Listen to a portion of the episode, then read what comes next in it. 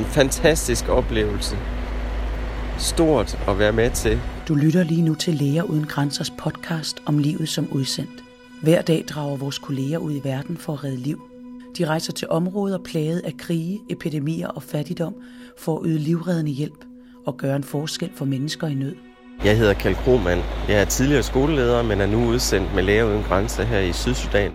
Kjeld bor i landsbyen Piborg, hvor Læger Uden Grænser driver en lille sundhedsklinik. Normalt bruger Kjeld sine dage på administration, økonomi og personaleuddannelser på Læger Uden Grænsers projekt. Men en aften skete der noget helt uventet, og jeg fik en helt anden rolle, end jeg nogensinde har haft med Læger Uden Grænser. Det her er på mange måder en atypisk historie, og på mange måder er den typisk, for den viser, hvor alsidig arbejdet er som udsendt, og hvordan man nogle gange må improvisere. Jeg havde sagt til lægerne, at jeg gerne ville med til en fødsel eller et kejsersnit og se, øh, hvordan det foregår herude i felten. Så en aften, mens jeg sad og spiste aftensmad, hvor det lynede og torden og regnen stod ned i stråler, så blev jeg kaldt op på radio, og øh, de sagde til mig, det er nu, Kjeld, hvis du gerne vil se et øh, kejsersnit. Du kommer bare ned på operationsstuen. Lad os lige træde et skridt tilbage for at forsøge at forstå den kontekst, som Kjelds fortælling foregår i. Sydsudan er et af verdens farligste lande for kvinder at føde i, og for børn at blive født i. Ifølge FN dør knap 91 ud af 1000 børn i forbindelse med fødslen. I Danmark er det til gengæld færre end 5 børn ud af 1000, der dør i forbindelse med fødslen. De sydsudanesiske kvinder løber også en stor risiko, for ifølge FN dør hver syvende kvinde i barselssengen. Men alt det er jo bare triste tal. Lige nu ligger der en nybagt mor og en baby og kæmper for deres liv lige foran Kæld i Sydsudan. Det lynede og bragede udenfor, så det var en underlig stemning at træde ind i. Men øh, vores kolleger, de var i fuld sving. Kvinden lå allerede klar. Og så blev det første snit lagt så tog de fat i øh, hver sin side, og nu kunne man se hovedet inde bagved.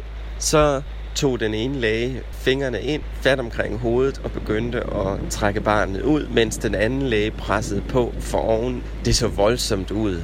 Barnets hoved var synligt nu, og så kunne vi se, at navlestrengen var rundt omkring halsen på barnet det går ikke. Så de var nødt til at få klippet navlestrangen over og få viklet den fri af hovedet, så de kunne fortsætte med at trække barnet ud.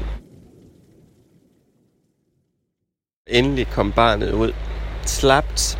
Hovedet var trykket. Det havde været svært at få barnet ud, for det lå ikke, som de havde forventet. Barnet blev lagt over på et bord, og jordmoren tog over derfra. Vi tænkte begge to, er alt som det skal være her.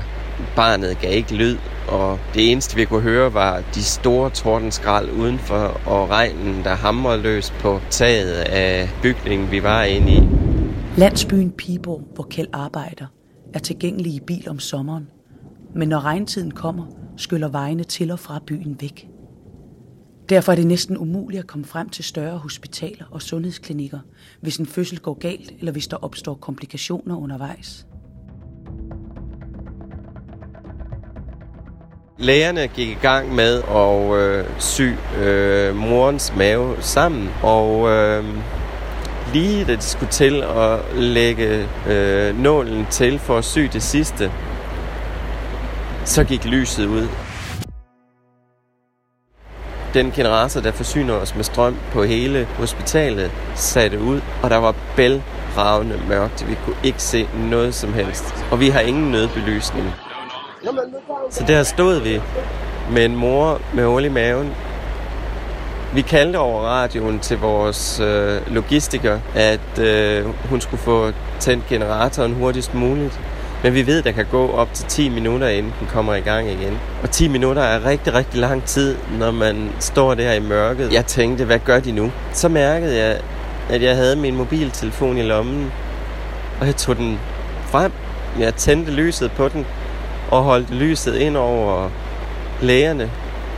De kiggede op, smilede bag maskerne, og så fortsatte de, som om ingenting var hent.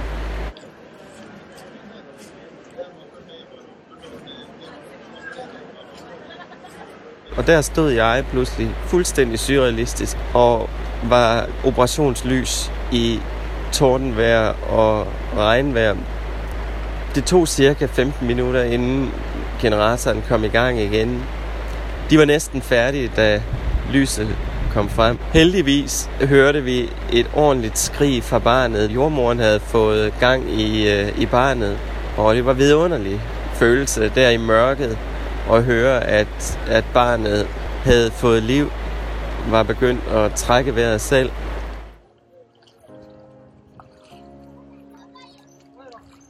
Moren blev syet, og øh, barnet blev forenet med moren.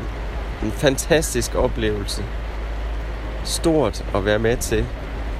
Helt uventet at blive øh, lyseholder midt i det hele. Og øh, dejligt at se moren øh, blive genforenet med barnet. Og således gik det til, at den lille familie i Piborg fik et ekstra familiemedlem i skæret fra Kjelds mobiltelefon. Så moren blev lagt over på en borger, og øh, fire mænd kom og bar hende ud i regnen med to paraplyer over sig. Og udenfor stod nogle kvinder fra landsbyen og hilste os og velsignede os for det arbejde, vi havde gjort. Og redde øh, familiemedlemmet og det lille nye medlem af familien. Kjelds fortælling slutter her. Hvis du vil høre mere fra Læger Uden Grænsers udsendte, så abonner på denne podcast. Du kan også skrive, hvis der er et specielt land, som du gerne vil høre fra. Tak til Kjeld, og tak fordi du lyttede med.